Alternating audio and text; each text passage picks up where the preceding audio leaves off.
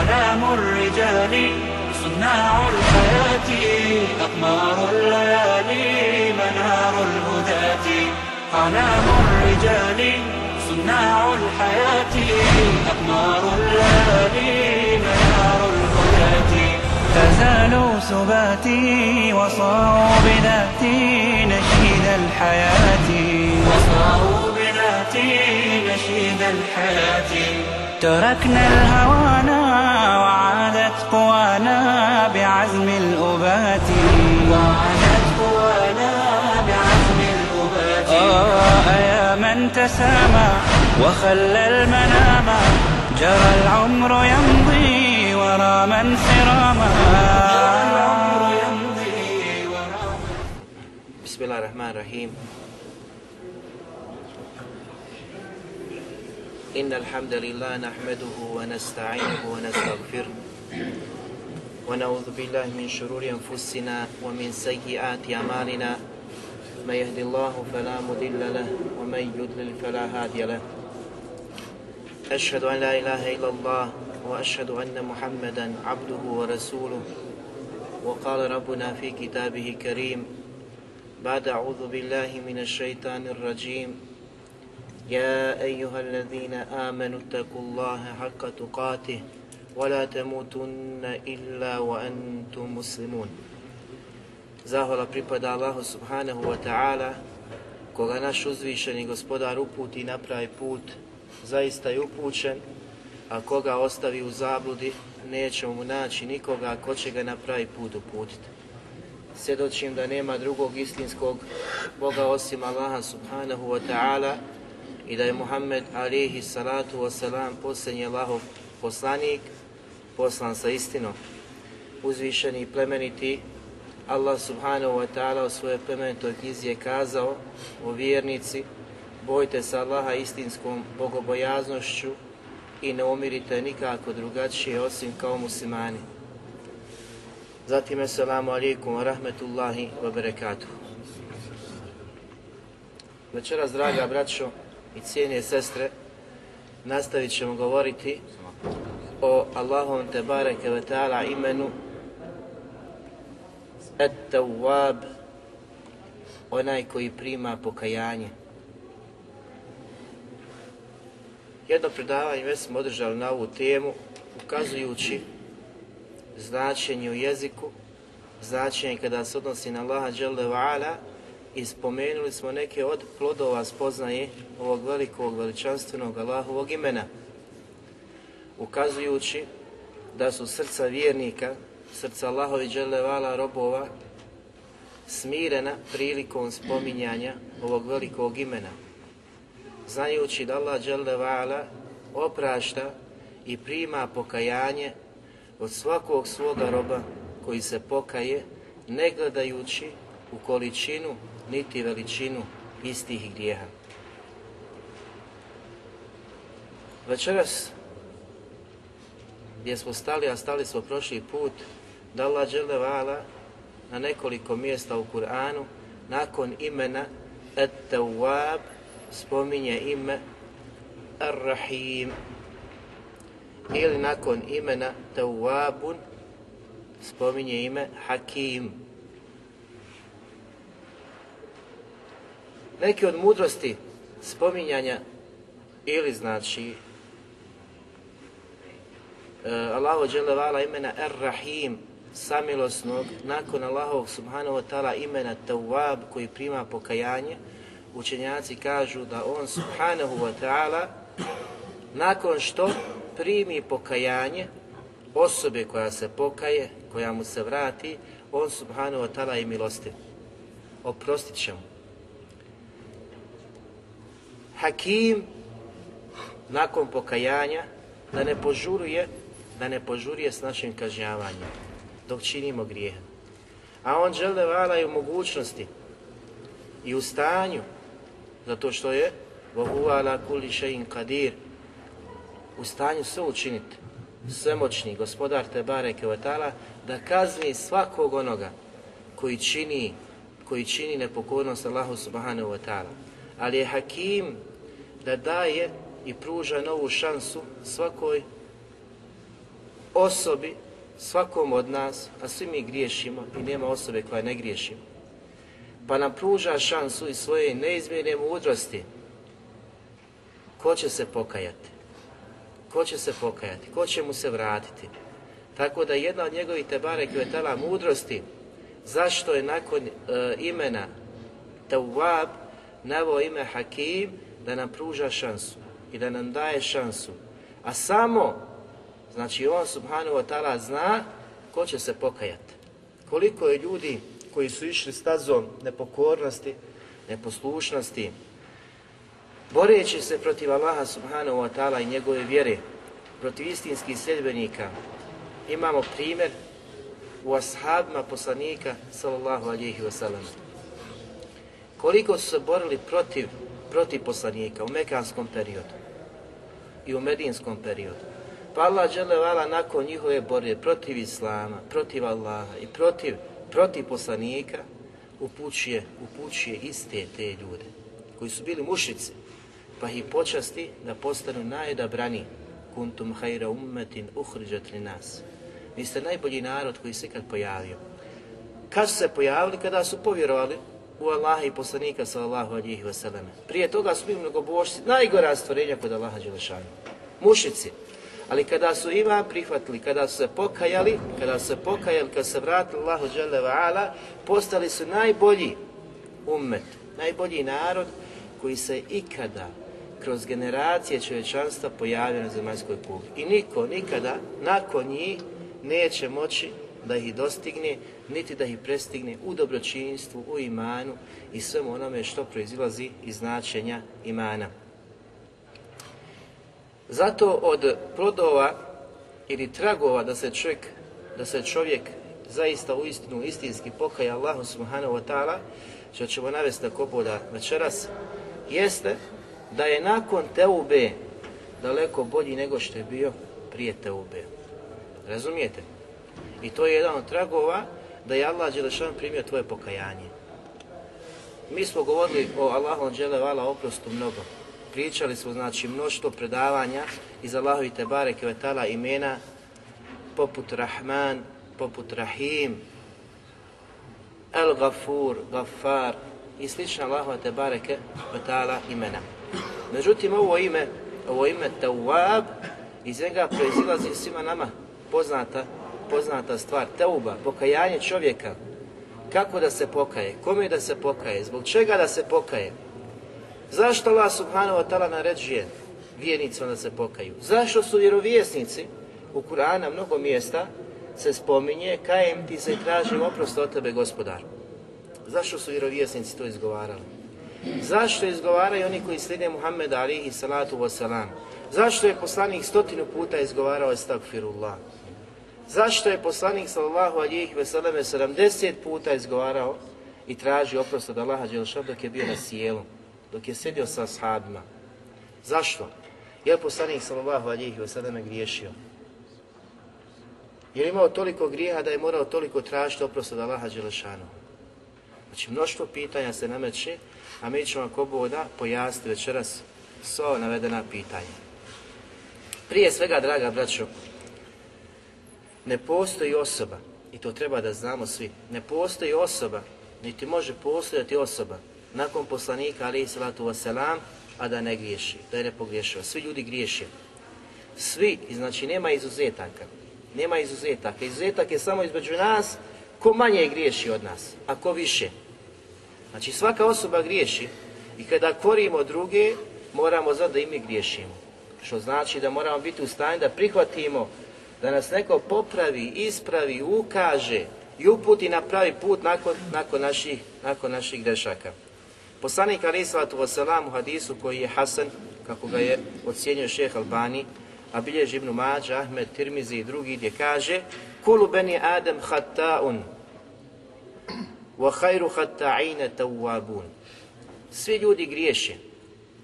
Svi ljudi griješe, ali poslanik sallallahu alihi wasallam u nastavku kaže, ali su najbolji od njih oni koji se često, često kaju. Oni koji se kaju i koji traže oprost od Allaha Đelešanu. Nije isti onaj koji griješi, koji je ustrajan u svom griješenju, poput onoga koji griješi i svjestan je, zna da griješi, ali isto tako zna da ima gospodara Allaha dželevala koji je opisan imenom Tawwab, Rahmanur Rahim, da je on milostivi i samilosni da pokajanje prima, takav se vraća i traži da Allaha subhanahu wa ta'ala da mu oprosti, da mu se smiluje, da popravi njegovo stanje, da ga uputi među neiskrene Allahove te bareke ve ta'ala robove sa kojima je on subhanahu, subhanahu wa ta'ala zadovoljan. Zato, draga braća, pogledajte Allahove džele vala milosti, neizmjeri njegove milosti prema nama i njegove neizmjerne dobrotije prema nama. Zamisle kada bi ostavio čovječanstvo u takvoj situaciji, u takvom stanju, da ne prima pokajanje. Ko bi od nas ušao u džennet? Niko. Zato je poslanik sallallahu alihi veseleme rekao, niko od vas neće ući u džennet zbog vaših dijela, što je zaslužio da kaže ja sam, ja sam to i to radio, to i to radio, ja sam zaslužio džennet. Ne postoji.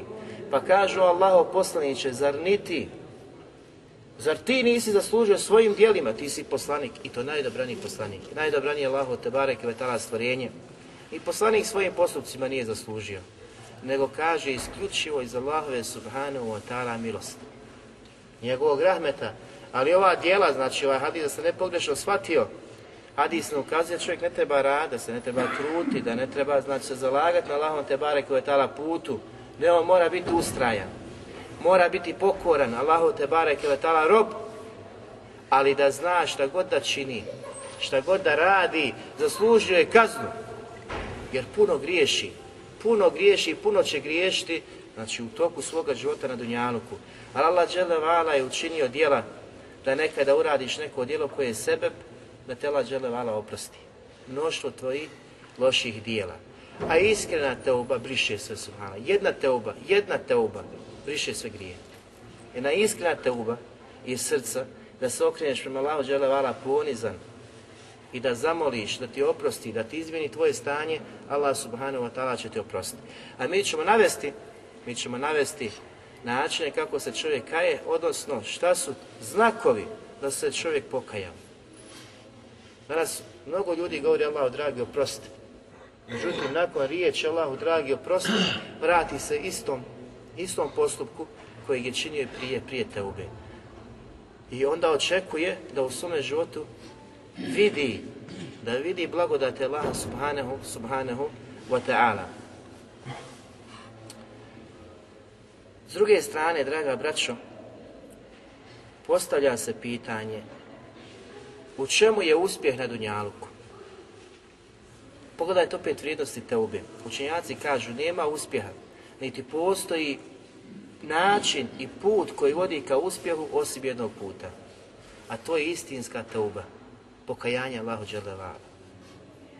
To je tvoja sreća, to je tvoj spas, to je tvoja istinska nada u ono što se nalazi kod Allaha Đelevala.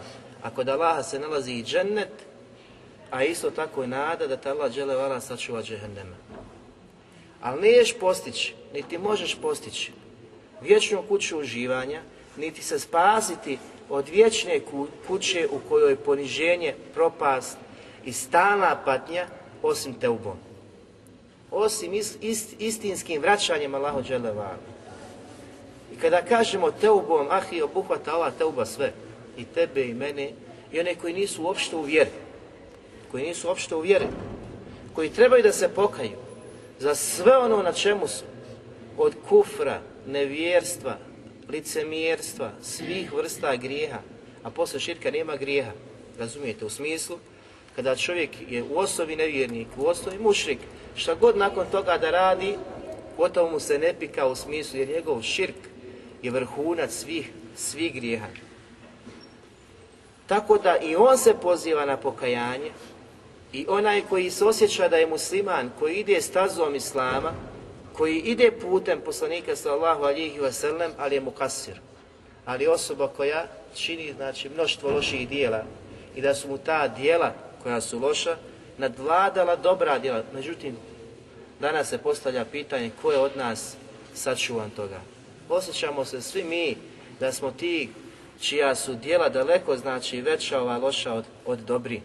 I zato, draga braćo, nam je obaveza, obaveza da činimo te ubom A teuba ne samo da je nama obavezna da se čini kao onom koji griješi, nego teuba je ibadet. I prošli put smo kazali da Ibn Taymi je kazao da je teuba jedna od najvećih vidova ibadeta. Najveći vid ibadeta je teuba. Upravo zbog toga što su je mnogo učinili vjerovjesnici, a oni su bili sačuvani grijeha. Posebno naš poslanik sallallahu alihi wasallam. Znači da se teubom približavaš Allahu dželle da mu se približavaš, da povećavaš svoje deređe, svoja dobra djela, svaki put kada kažeš Allahu dragi, oprosti mi, smiluj mi se, pogriješio sam i slično. A posebno ti je obaveza da se pokaješ kada uradiš i kada učiniš neki od vidova grijeha. Tako da ova sreća koju nam je Allah Đelevala ostavio i ovaj put koji vodi ka istinskoj sreći i vječnom uživanju, taj put, draga braćo, ima svoja vrata. I na ti, ta vrata, znači u svakom trenutku su otvorena. U svakom trenutku su otvorena. Nikada nisu zatvorena. Jer Allah Đelevala pruža svoju ruku u toku noći onima koji su griješili u toku dana. Ili obrnuto. Da im oprosti, da im se smije. Znači teuba i vrata teube, ovog pokajanja istinske sreće su uvijek otvorena Samo čeka i očekuje kad će doći od nas pojedinačno, znači svaki od nas, da pokuca na ta vrata i da nađe odgovor Jela Đelevala kaže u Kur'anu وَإِنِّي لَغَفَارٌ لِمَنْ تَابَ وَآمَنَ وَعَمِلَ صَالِحًا ثُمَّ اهْتَدَى I ovo jako, znači, bitan najeti sure Taha, Jela Đelevala kaže, zaista sam ja taj koji oprašta i koji će oprostiti kome? Onome ko amene, ko bude povjerovo. Znači, povjerovati i pokajati se i raditi amile saliha i raditi dobro, dobro djelo. Sum mehteda i nakon toga ustrajati u dobročinstvu na pravom putu. Znači ovdje odmah ispada ona teuba koja se kaže kaziba, lažna teuba, da kažeš Bože, Bože oprosti mi, a ahi nakon toga nisi počeo raditi dobra djela. Nakon toga nisi ustrajan u dobročinstvu. Ponovo se vraćaš na stanje na kojem, na kojem si bio. Zatim Allah Đelešanu kaže Wallahu yuridu an yatuba alikum. Allah želi da vam oprosti. Svima. Ali u ovom ajetu iz sure Taha oprostit će kome? Ja ću uistinu oprosti onome koji se pokaje, koji povjeruje, koji radi dobra djela zatim ustraje na tome. Znači od nas očekuje da pokucaš, da zatražiš, da digneš ruke, a Allah žele vala, znači obećava da će takvom oprostiti. Da će takvom oprostiti. Ako ispuni, ako ispuni uvjete koje ćemo mi navesti. Mada smo uvjeto o ispravnom, istinskom pokajanju navodili više puta. Večeras možda nećemo imati vremena. Zatim Allah Đelešan kaže u suri Zumer u 53. ajetu Kul ja ibadi alladine esrefu ala enfusihim. O, ili reci mojim robovima koji su ogriješili prema sebi, a svaki od nas čini nepravdu sam sebi. Znači ne samo činimo nepravdu drugima, nego nanosimo nepravdu prvenstveno nama, samim sebi. Zatim kaže Allah dželovala, la taqnetu min rahmetillah. Nemojte nikada ni u kojem trenutku da izgubite nadu Allahu te bareke ve milost. Što znači koliko god naši grijesi bili veliki, njihova količina isto tako, znači mnogobrojna, nikada čovjek ne smije izgubiti nadu. Jer Allahova dželevala vrata primanja i prihvatanja pokajanja su uvijek otvorena. Samo se traži od nas da dođemo da zamolimo Allah dželevala će oprostiti. Pa kaže Allah, inna Allahe jagufiru dhunube džemija. Allah subhanahu wa ta'ala oprašta sve grijehe.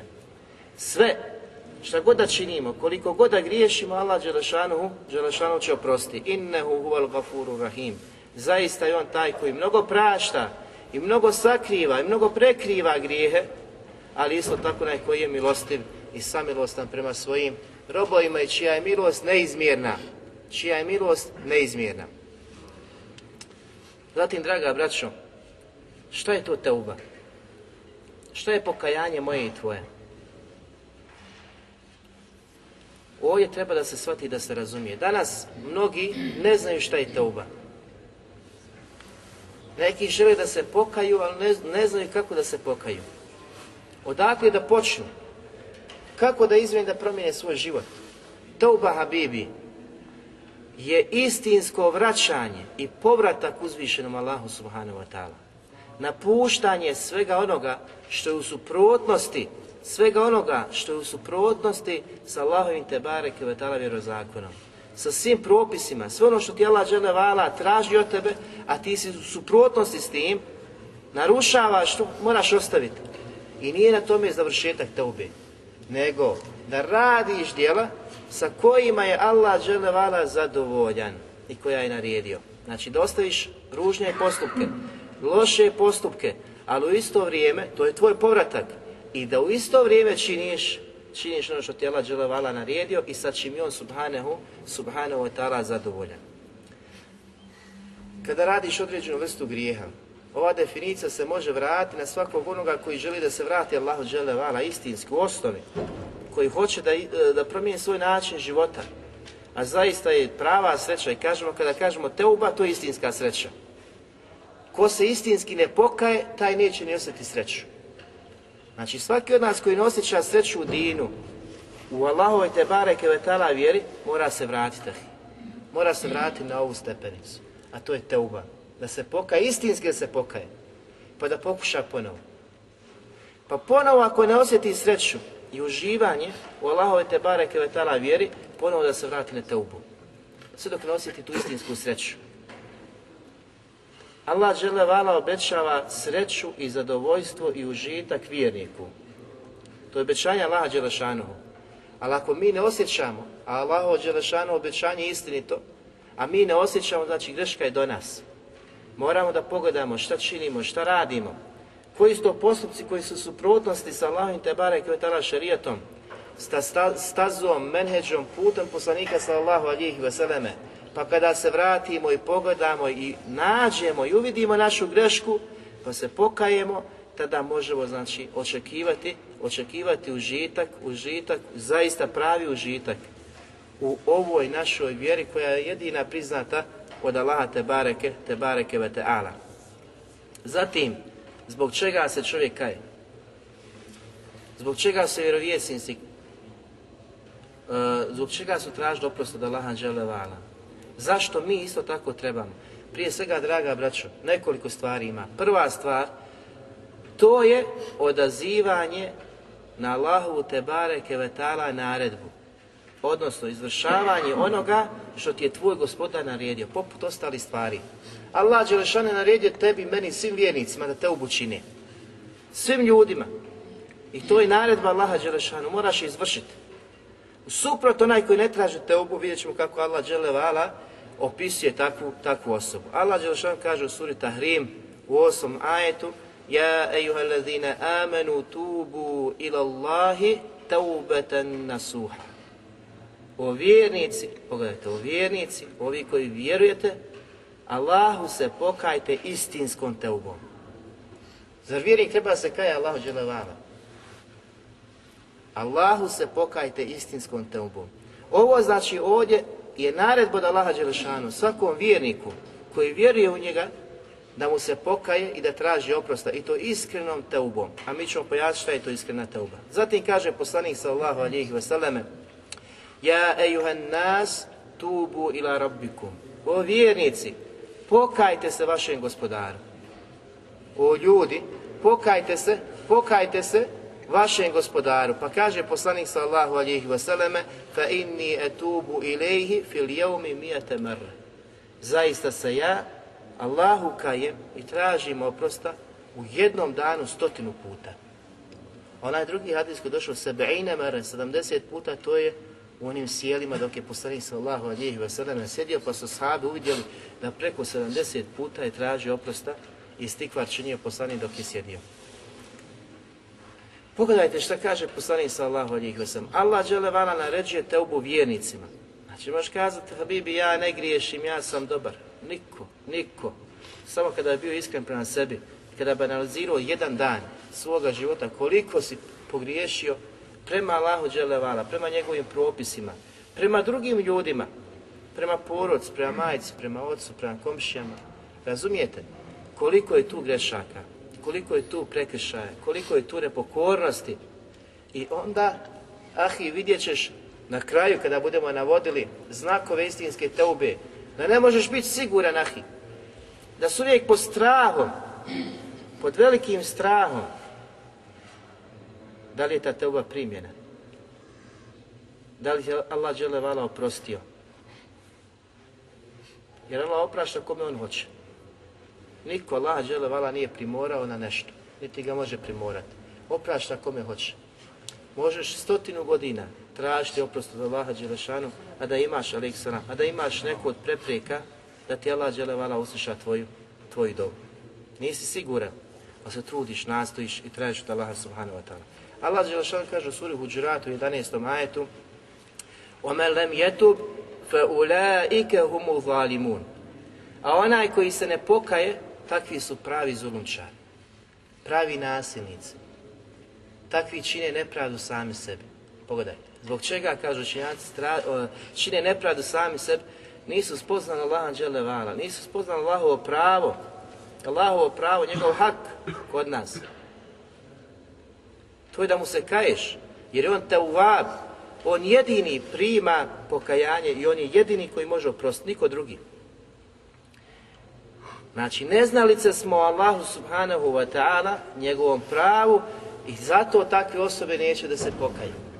Allah Đelešanu kaže da takvi koji se ne pokaju sami sebi nepravdu čini. A u prvom ajtu kaže o vjernici, svi se Allahu Đelevala pokajte. Poslanik kaže o ljudi, pokajte se vašem, pokajte se vašem gospodaru, tražite oprosta od vašeg, vašeg gospodara. Zatim, druga stvar, Teuba, draga braćo, je sebe tvog i mog uspjeha i na Dunjaluku i na Ahiretu.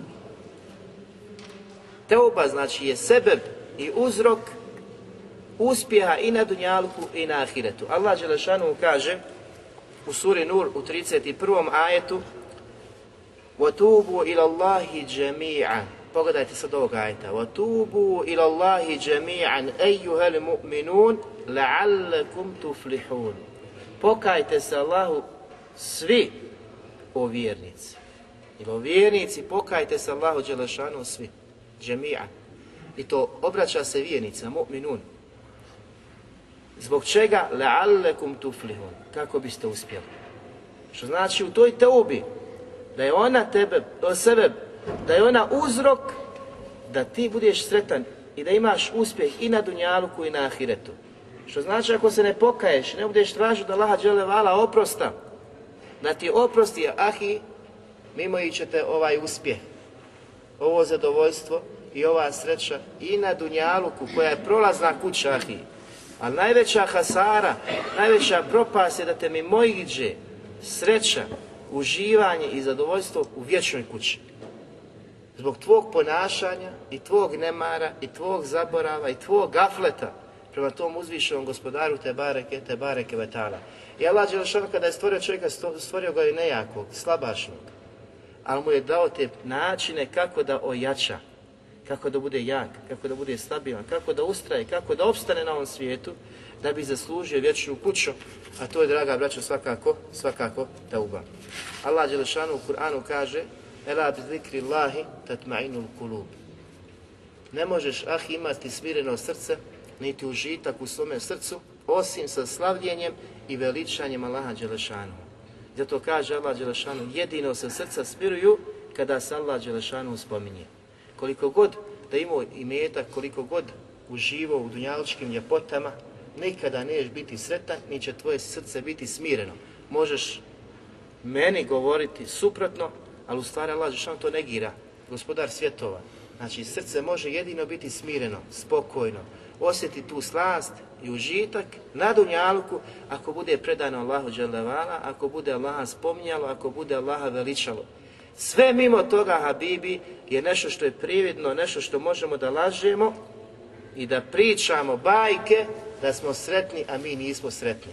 Koliko je danas ljudi koji su jako bogati, jako bogati, a kada se otvore, kažu da nisu sretni. Da nisu sretni. Iako imaju metak, iako imaju sve ali onaj sretan, istinski sretan koji osjeti, znači zaista sreću uz Allaha dželevala, a mi kao vjernici, ako ne osjećamo tu sreću, moramo se vratiti, Habibi, da vidimo gdje smo jesmo nešto od bitnijih stvari preskočili. Zatim teuba i pokajanje, draga braća, je jedna od velikih stvari.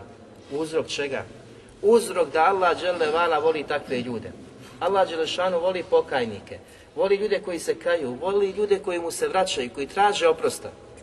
Da li ima veća sreća na Dunjaluku da se može osjetiti od onog trenutka kada si svjestan da se kaješ istinske Allahu vala za učini grijeh ili za učinje grijehe, a znaš da je Allah Đelešanu obećao da voli takve pokajnike. Znači ti znaš da se istinski kaješ i Allah Đelešanu zna da si istinski kaješ. Ali u tom trenutku da li postoji neko ko je sretniji od tebe? Čovjek kada se kaje, kada traži oprost, treba da zna, ne samo znači da strahuje da li će mu Allah Đelešanu oprostiti. To je bitno, znači jako bitno. Međutim, trebaš Bibi znati da u tom trenutku kada se kaješ, kada se vraćaš, kada ideš i bježiš iz onog mjesta, prostora i postupka koje je izazvalo Allahu te barek vetala sržbu, ideš ka Allahovoj milosti, odnosno ideš nečem već, većem od toga, a to je Allahova ljubav prema robu. Allah Đelešano obećava da voli one koji traže, koji čine pokajanje, odnosno oprost od Allaha te bareke, te bareke vetala. U suri Bekar Allah Đelešano kaže u 222. majetu Inna Allahe yuhibbu tawabine wa yuhibbu mutatahirin. Zaista Allah Đelešanu voli one koji se mnogo kaju, oprosta traže i oni koji se mnogo, mnogo čiste.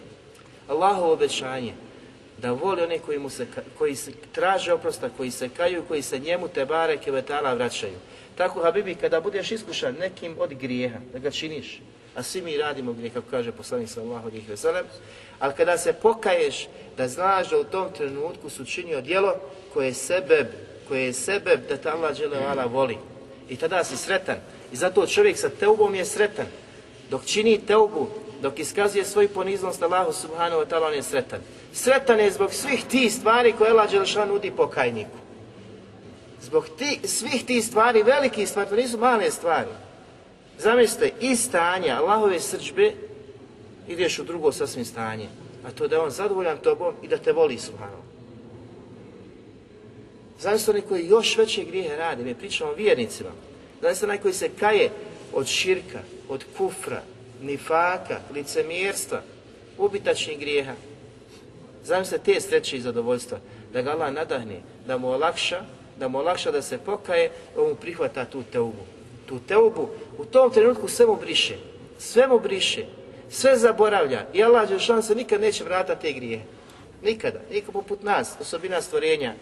Uradiš mi nešto, ja te nagradim, zahvalim, čim ponovo nešto uradiš, pa uradio s prošli put to, to, to, to, to, da spominje sve ono što si radio prije toga. Allah Đelešanu sve to zaboravlja. U smislu zaboravlja da ti briše grije, Allah Đelešanu zaboravlja, niti njemu priliči osobina zaborava, nego u smislu da ti neće navoditi te tvoje, te tvoje grijehe.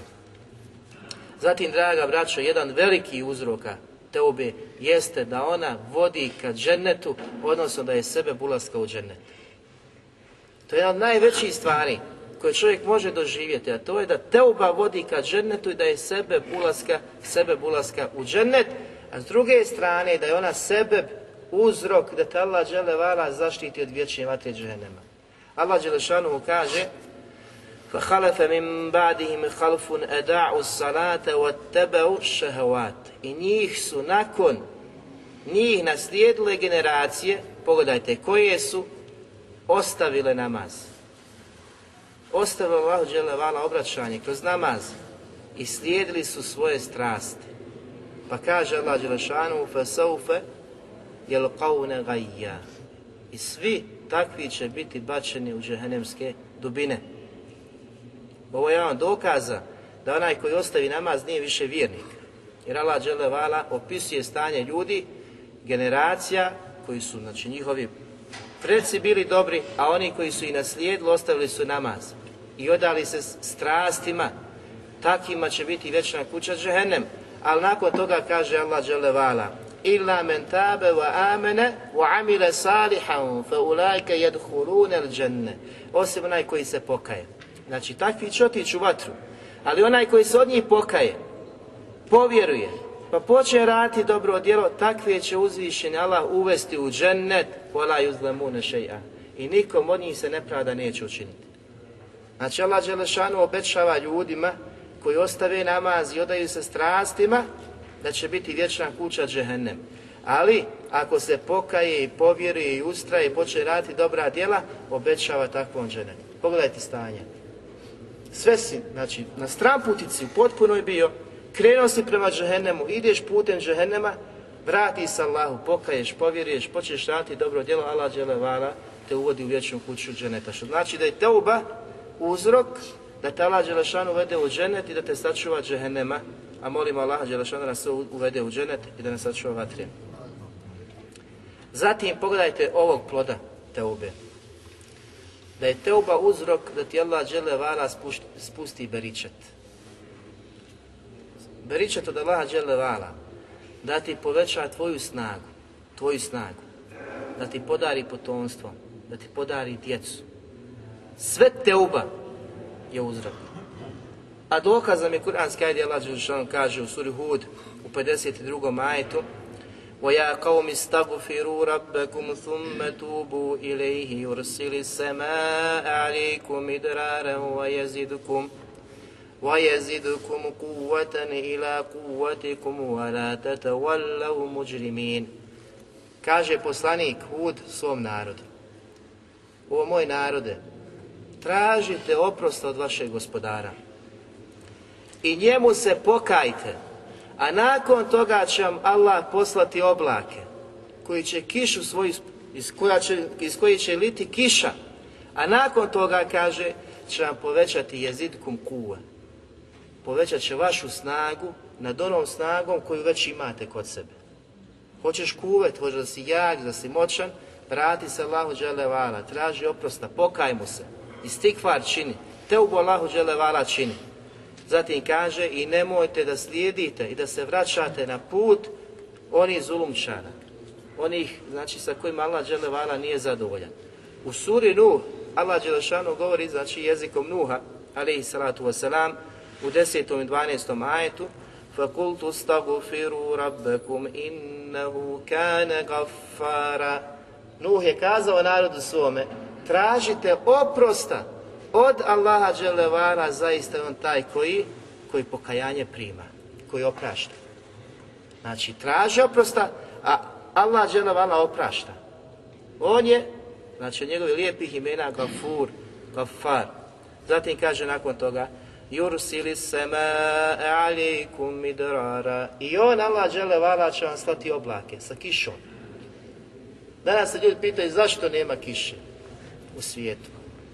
Zato što nema teobe, zato što nema istikfara, nema istinskog vraćanja Allahu Đelevala. Jer Allah Đelešano obećava blagostanje kada se robovi vrate, kada se robovi vrate Allahu Subhanahu wa ta'ala.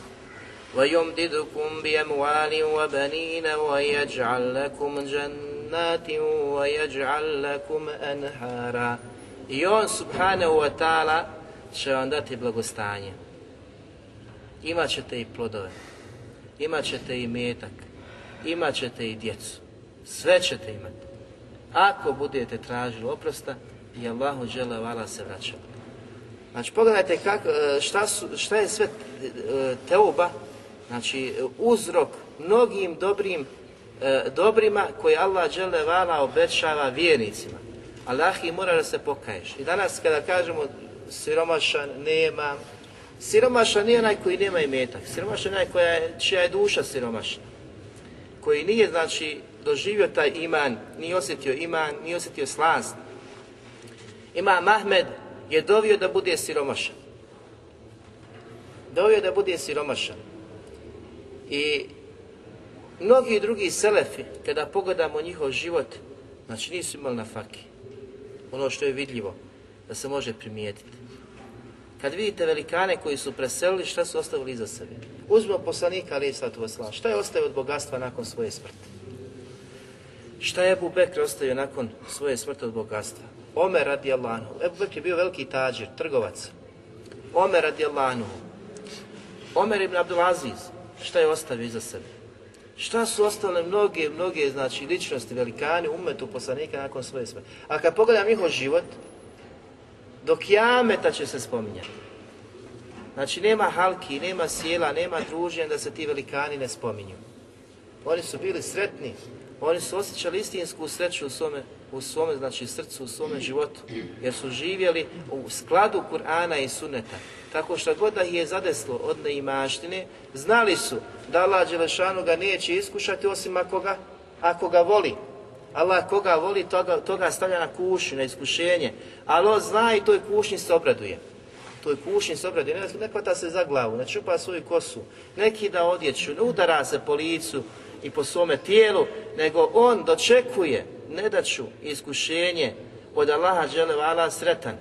Jer zna da Allah Đelešanu, znači to mu je kao znak, da Allah Đelešanu misli na njega, da ga voli, čim ga iskušava. Jer ta iskušenja, draga braćo, su nekada deređe kod Allaha Đelešanu. Vjerovjesnik Muhammed Ali salatu wasalam nije imao grijeha da ga Allah Đelešanu kazni pa da ga čisti od tih grijeha, a u mekanskom periodu je proživio i doživio što nijedan vjerovjesnik prije njega nije doživio. Od naroda. Zatim u medijinskom periodu. Sjete se Hendeka i gladi i svega toga što su doživljavali njegovi sjedbenici, ali su bili ustrajni. I pjevali su u smislu Allaha dželevala veličali u tim trenucima. Pa poslanik sa selem nagovještava i ključe Perzije i Bizantije. Sve živo u trenucima kada nisu imali što da jedu. Kada je došlo bogatstvo u vremenu Omera, a nije došlo u vremenu Ebu Bekra i poslanika Muhameda alaih salatu wasalam, staje iza tog bogatstva ratnog plina ganime Omer radijallahu anhu, muslimani se raduju, bogatstvo je došlo, to je bogatstvo, draga, je nešto što se ne može opisati. Koliko je tada došlo bogatstvo ratnog plina u Medinu. Svi se radi, Omer radijallahu anhu plaće. Omer radi, Allah, radi anhu plaće. Pa ga pitaju, znači, ashabi, o halifu, zbog čega plaćeš u danu kada je Allah dželevala uzdigao islam, osnažio muslimane, podario im pobjedu, porazio neprijatelje islama i muslimana. Kaže, pla, plaćem iz straha da nam nije otvoreno ono što nije dato prije, onima prije nas, a koji su bili bolji kod Allaha od nas. Misleći na poslanika sallallahu alihi vseleme i na Ebu Bekra radijallahu anhu. Jer je znao Omer radijallahu anhu da je dunjaluk fitna i iskušenje. I onda muslimani, kako im se dunjaluk otvara, stagniraju na drugoj strani. Stagniraju svoje vjeri. I danas pogledajte koliko se muslimanima otvorilo dobara, resursi gotovo čitavog svijeta su u rukama muslimana. Da li oni koriste tim resursima? Koliko je znači uticao taj isti resurs, to bogatstvo na njih, na njihov din, na njihovu vjeru, vidimo danas znači sami da se bore jedni protiv drugih, da su zavidni jedni drugima, da jedni druge proklinju što ovi više imaju kao država od ovih drugih. Ja sam bio svjedok kada Jordanci proklinju Saudice. To je ljudi koji se drže vjere. Proklinju ih. Zbog toga kao što oni ne dijele onoliko koliko bi trebalo da udjeljuju i da daju, a ovi u Jordanu, vi znate koliko je Jordan, znači nestabilna država i siromašna država, da nije jaka, poput Saudije. Svatate. I onda on, znači, proklinje su. Znači, gdje to odlazi, e, ta svijest o Allahu džele vala, o vjeri, o svemu, da dođeš na takav nivo da proklinješ muslimane koji imaju, a kao da se žališ na ono što ti nemaš. Ovi muslimani se nisu žalili, živjeli su na hasurama, spavali na hasurama, nisu imali bijelog hljeba, nisu imali mesa, nisu imali mlijeka, nisu imali dovoljno hurmi. Mjesec dana je prolazio kod poslanika sa osadom u kući da se vatra nije vidjela. Tim nije uopšte izlazi iz kuće poslanika sa Allahu alihi wasallam. Ajša radi Lanha kada je upitana, pa šta ste jeli? Jeli smo hurme. Poslanik ustaje sallallahu alihi wasallam, najodabrani. Paz, jedna stvar, znači da poslanik sallallahu kaže ashabima, želim to i to, ashabi sve uradili mu donesu. Sve bu radili, sve bu učinili da mu donesu hranu koju je poslanik sallallahu alihi wasallam poželio. Kada bi kazao želim takvu i takvu kuću, palaču i dvorac, sve bu radili da bi to poslaniku sallallahu alihi wasallam sagradili. Toliko su ga volili, toliko su ga cijeli, da im je bio najdraži od svih stvorenja. Zato Enes radijallahu kaže, poslanik kad je ušao u Medinu, osvijetlio je kompletnu Medinu. Kada je poslanik preselio, kaže, tama je natkrila i prekrila Medinu. Hoće da opiše kolika je tuga bila za rastankom s poslanikom sallallahu alihi veseleme kada se je vratio svom uzvišenom gospodaru. Razumijete? Ali kaže da mjesec dana prolazilo, da nisu imali što da je osmi hurmi. Poslanik ustaje, pa kaže, jednu ženu pita, šta imam? Na doručku, ima nešto da jedem? Kažu, nema ništa. Drugu, drugu, drugu. Obiđe sve žene, niko nije imao što da radi poslaniku, sallallahu alihi veselem. Kaže poslanik, ja sam onda sa im, ja sam onda postač danas. Na nijeti post. I ovdje, znači, dobrovoljni post, ispravno na nijeti prije podne namaza, kada čovjek, kada čovjek, znači, se koleba, hoće post, neće post, jel ponedjeljak, jel četvrtak, jesu bijeli dani, ima forje do podne da prije nego što nešto pojede, da nanijeti pa da posti ostatak, ostatak dana. Razumijete? Znači, pogledajte život poslanika, najdobranijeg stvorenja, ali kakav mu je život? Ibadet, veličanje, slavljenje, Allaha dželevala, užitak u tom ibadetu, suza radi Allaha subhanahu wa ta'ala, strah radi Allaha, požrtvovanost Allahovom putu, želja da se drugi osvijeste, da se drugi vrate, da im se dostavi, to je bio cilj poslanika sallahu alihi wasallam. Nikakav drugi cilj. I u tome je poslanik Ali Sallatu Veselam uspio. Uspio, odgojio najbolju generaciju, najdobraniju generaciju. Generaciju koja je osvojila sve što se moglo osvojiti u tom vremenu. Dvije imperije su pale, od sablji i povika iskreni iz grudi, iskreni. Allahu Ekber. To nije sila uradila u brojčanom stanju, da kada bilo ih je puno, bilo ih je mnogo, imali su tehniku, imali su naoružanje, iman je nosio, iskrenost. I nisu žudili za tuđim dobrima, nisu žudjeli da osvoje države kako bi pokupili njihovo što se ima pokupiti kao ratni plijen, nego je bio cilj da dostave, da dostave Allahu te bareke vetala vjeru, da što više ljudi dođe, da se osvijesti, da osjeti u tu ljepotu, da ostave dunjavog prolaznu kuću, da se iskreno vrati Allahu, Allahu te bareke, te bareke ve ta'ala.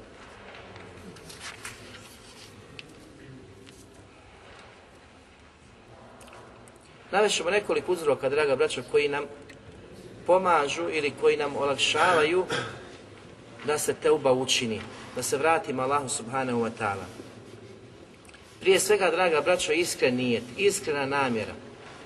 Čovjek, ako je iskren i ako istinski priželjkuje i želi da se Allahu subhanahu wa ta'ala vrati, Allah mu to olakša. I svi smo mi svjedoci, jel tako?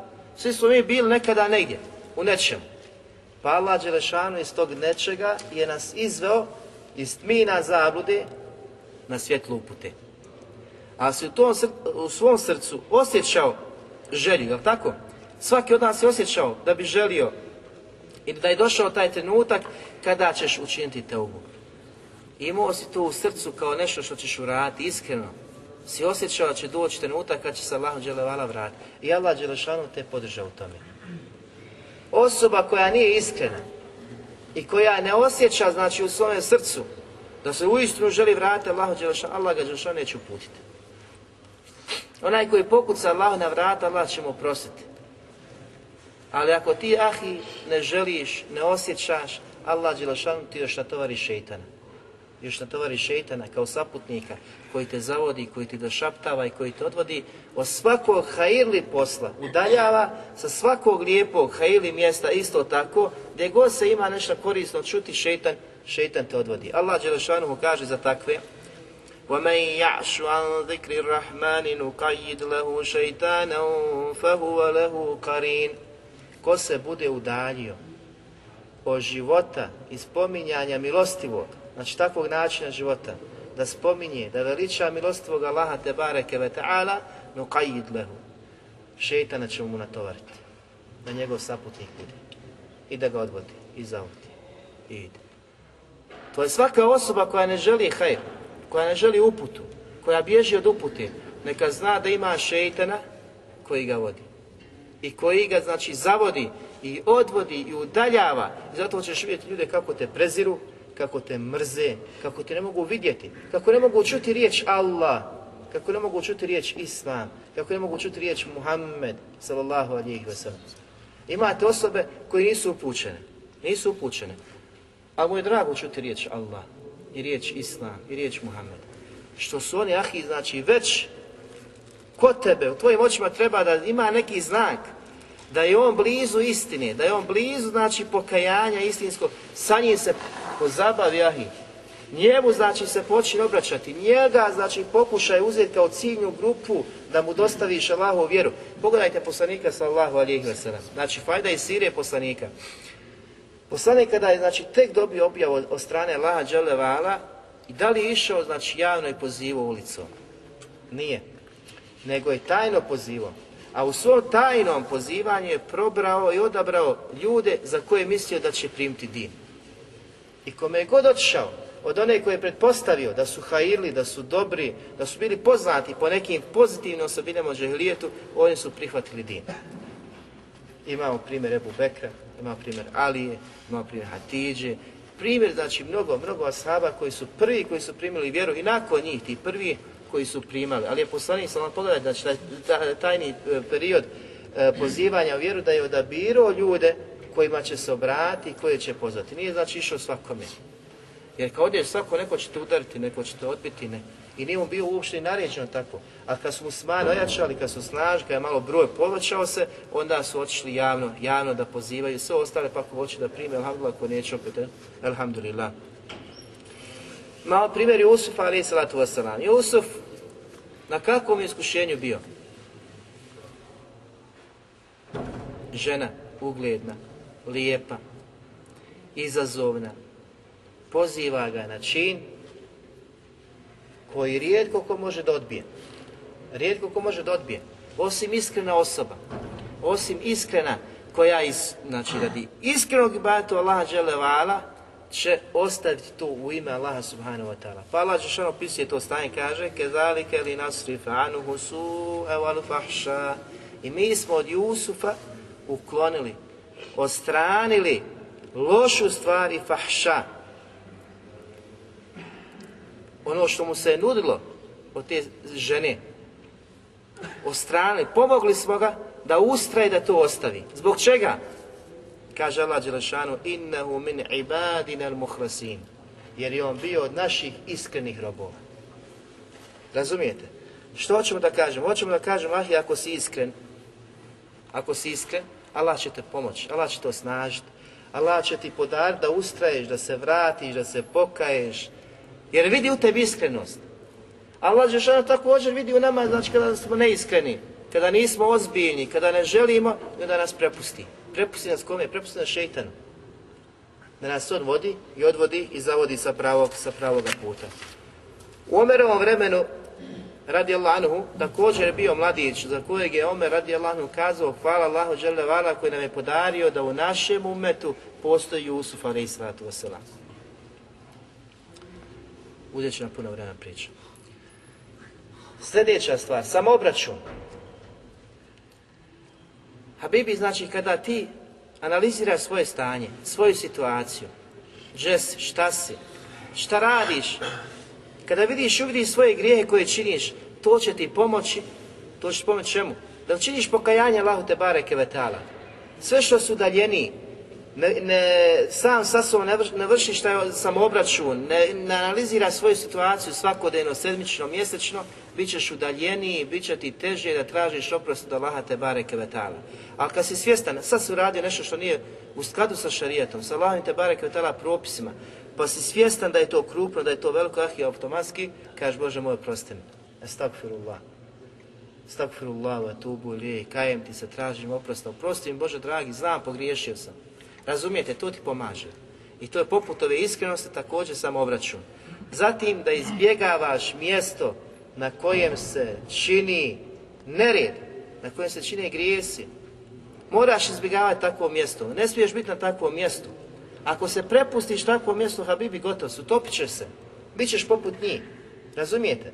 Poslanik Ali Sallatu Wasalam u svojoj davi, svom pozivu, sallallahu alihi wasallam je odlazio na mjesta gdje se čini, znači e, e, u smislu gdje se čini grijesi prema Allahu dželevala, pijace. Na pijaci gdje je poslanik odlazio nije bilo vjernika, bili su mušice, žene razgoličene, bilo je svakakvog nereda, ali je poslanik odlazio na pijacu i pozivao ljude. Čim bi onaj završio sa pozivom, sa pojašnjenjem Allah te barek propisa, povlačio bi se, ostavio bi takvo mjesto. Znači kao daji, kao onom koji poziva, lijepo ti je i pohvalno otići ljude da pozoveš. Allah i čim, znači, tvoje se zanemari, ne sluša se, ne poštuju se riječi tvoje, ostavljaš to mjesto i bježiš. A zaista da kakva je situacija sa čovjekom koji misli da može izdržati na takvom mjestu, na takvom mjestu, niti poziva, a drugi, a drugi njemu da učine. Možda si danas jak i sutra si jak, prekustra slabiš, nakon toga si još slabi, nakon toga si još slabi i sve to utiče na tebe. Na tvoj din, na tvoje praktikovanje vjere i iz dana u dan slabi i slabi. I zato danas imamo mnoštvo ljudi koji su bili nekada jaki, stabilni, pozivali, pojašavali Allahove propise, danas su nejaki, danas su slabi, danas su ostavili vjeru 50%, 60%, 70% u potpunosti su ostavili. Djevojke koje su bile pokrivene danas su bez hijjaba. Momci koji su kijam obavljali i bili na kijamu plaćući Allahu vala se uminjavali, danas su bez namaza i džume. Razumijete? Allah u svojoj ruci, među svojim prstima, drži srca ljudi i okreće ih kako on hoće. Zato se nemoj izlagati na mjestima koja ti nisu preporučena da budiš. I taj stvar, znači stvar da ostaviš mjesta gdje se nemoral čini, razvrat, gdje se griješi, gdje se čine razni grijesi prema Allahu dželevala. Kako možeš vidjeti čovjeka da ode tek tako i sjedi u neki kafić i pije kafu, oko njega je muzika, oko njega djevojke, oko njega alkohol, on tek tako sjeo, znači nema derure, znači imamo neke izuzetke, čovjek ima nuždu, mora sjesti, mora ručati u restoran, nema gdje drugo, pa je otišao strati na takvo mjesto, razumijete? Ali otići piti kafu svaku noć, sedmično, hajmo izaći malo s rajom, sjest na takvo mjesto. Šta ti misliš ta muzika, to slušaj muzike, koliko će utjecati na tebe? Na tvoje praktikovanje vjere, na tvoju teubu. Koliko će te udajiti od Allaha te bareke vetala? Zato čovjek vodi računa o svemu tome i ne izlaže se takvim mjestima, izbjegava u potpunosti i ostavlja. Zatim stvar srdeća koja nam pomaže da učinimo teubu jeste ostavljanje lošeg društva. Mi imamo primjer u čovjeku koji ubio 99 ljudi. I svi ga mi dobro znamo ta hadis poslanika sa Pa je otišao kod čovjeka Alima u svom vremenu da ga upita ima li teube, ima li oprosta za njega, ali ovaj Alim je bio neuk. Nije znao Allahu te bare koje je veličinu, veličinu njegovog oprosta, njegovog rahmeta, pa je rekao za tebe nema teube. Danas kada pitaš mnoštvo ljudi koji su, možda i u vjeri, čovjek radi takve i takve grijehe, prostitucija, alkohol, a kakav, njemu Allah nikad neće oprostiti. Razumijete? Zato što on nije shvatio Allaha vala istinskom spoznajom, njegovu veličinu oprosta i rahmeta, pa odmah ti zatvori vrata tvoje teube. Razumijete, neka si ti sebe da udaljiš čovjeka od istine. Kao što je ovaj čovjek, ovaj alim udaljio ovoga koji je tražio teubu. Ali on iz svoju sablju izvuče i njega ubije kad mi nema za 99, nek nema i za stotinu. I namiri stotinu ljudi. Zatim ponovo ode tragati za osobom koji ima Allahu te barek znanje o Allahu subhanahu wa ta'ala, pa dođe do alima od učenjaka i kaže ima li teube, za mene uradio sam to i to, kaže ima. Kako da ne? Allah dželovala oprašta, ali mu daje uslove kako bi mu Allah primio pokajanje, odnosno olakšao teubu. Prva stvar da postavi i napusti mjesto u kojem živi. Napuštanje mjesta u kojem živi šahi je mjesto u kojem je nered, u kojem je fesad, u kojem su grijesi, a u isto vrijeme i narod, tvoje društvo, tvoja ekipa sa kojom si prvo toliko vremena, koji su na stramputici, na zavod, moraš i ostaviti. Druga je stvar da ti jednog po jednog pozivaš, da im se obraćaš nakon tvoje upute, da im daješ leta kasetu, pojasniš neke propise, to je super stvar i to trebaš da radiš. Allah i da nastaviš se družiš, da provodiš vrijeme, znači po par sati s njima dnevno, idemo, znaš, idem ja malo s primjera navodimo kino, pa ćemo možda u toku našeg puta dvije, tri riječi kazati, u stvarno je tebi dajan isti njemu daja. Razumijete, imaju konkretne stvari kada se poziva, kada se obraća, šta se priča.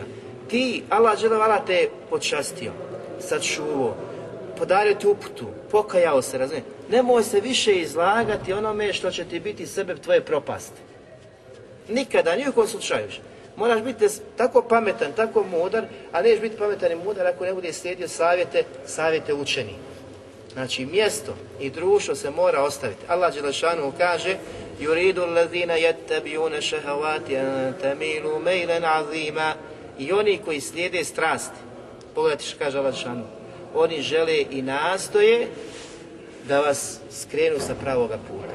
Tvoje društvo koje je na stramputice, taj Đelešanu počastio, ono i dalje želi da budeš poput njih. želi da te vrati. Svi mi, znači imali smo i ekipu i rane u školi i ovdje i ondje, znači pita gdje si, šta si, ovdje da čekam kad ćeš biti ono što si nekad bio, razumijete? Zato što on tebi daje, a ti njemu nisi daja. I on to nastoji. Allah on kaže za njih da su oni takvi.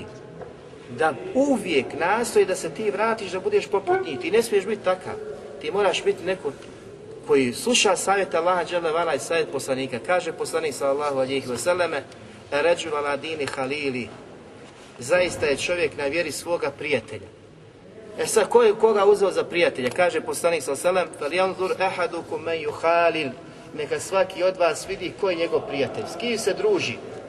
Jer si ti onakav kakav ti je prijatelj. Može si danas dobar i sutra, može i mjesec dana ćeš biti, Allah i za dva mjeseca, tri mjeseca, niko ti ne garantuje da nećeš biti poput njega, čak i gori. Znači imamo takvih praktičnih primjera da oni koji su bili dobri, da su postali gori od njihovih prijatelja. Da su sada u gorijem stanju, nemoralnom stanju, nego što su oni, što su oni koji su, znači, na nekoj granici, na nekoj granici toga. Zatim Allah kaže za šeitana, inne šeitane lekum adu, zaista je šeitan vaš otvoreni neprijatelj.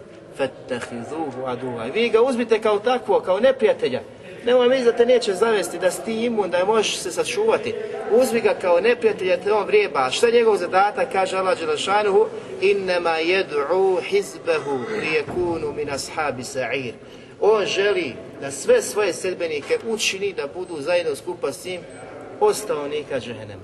Pogledajte, znači to je šetan. Šetan stoji iza onih koji su u neredu, koji su u gafletu, nemoralu, fesadu, koji su tvoje društvo nekada bili. I svi oni skupa se bore protiv tebe. On svojim vesvesama, ovi svojim znači, praktičnim postupcima. Kako da opstaneš ahi? Ako ne promijeniš, ne izmeniš društvo, ideš sa onima koji su dobri, koji su bogobojazni, koji, koji, koji će čuti samo korisne stvari i to te može biti uspjeh, ništa drugo. Niti možeš biti sačuvan na drugi način. Hoćemo sad subhanika Allahum hamdika, šadu la ilaha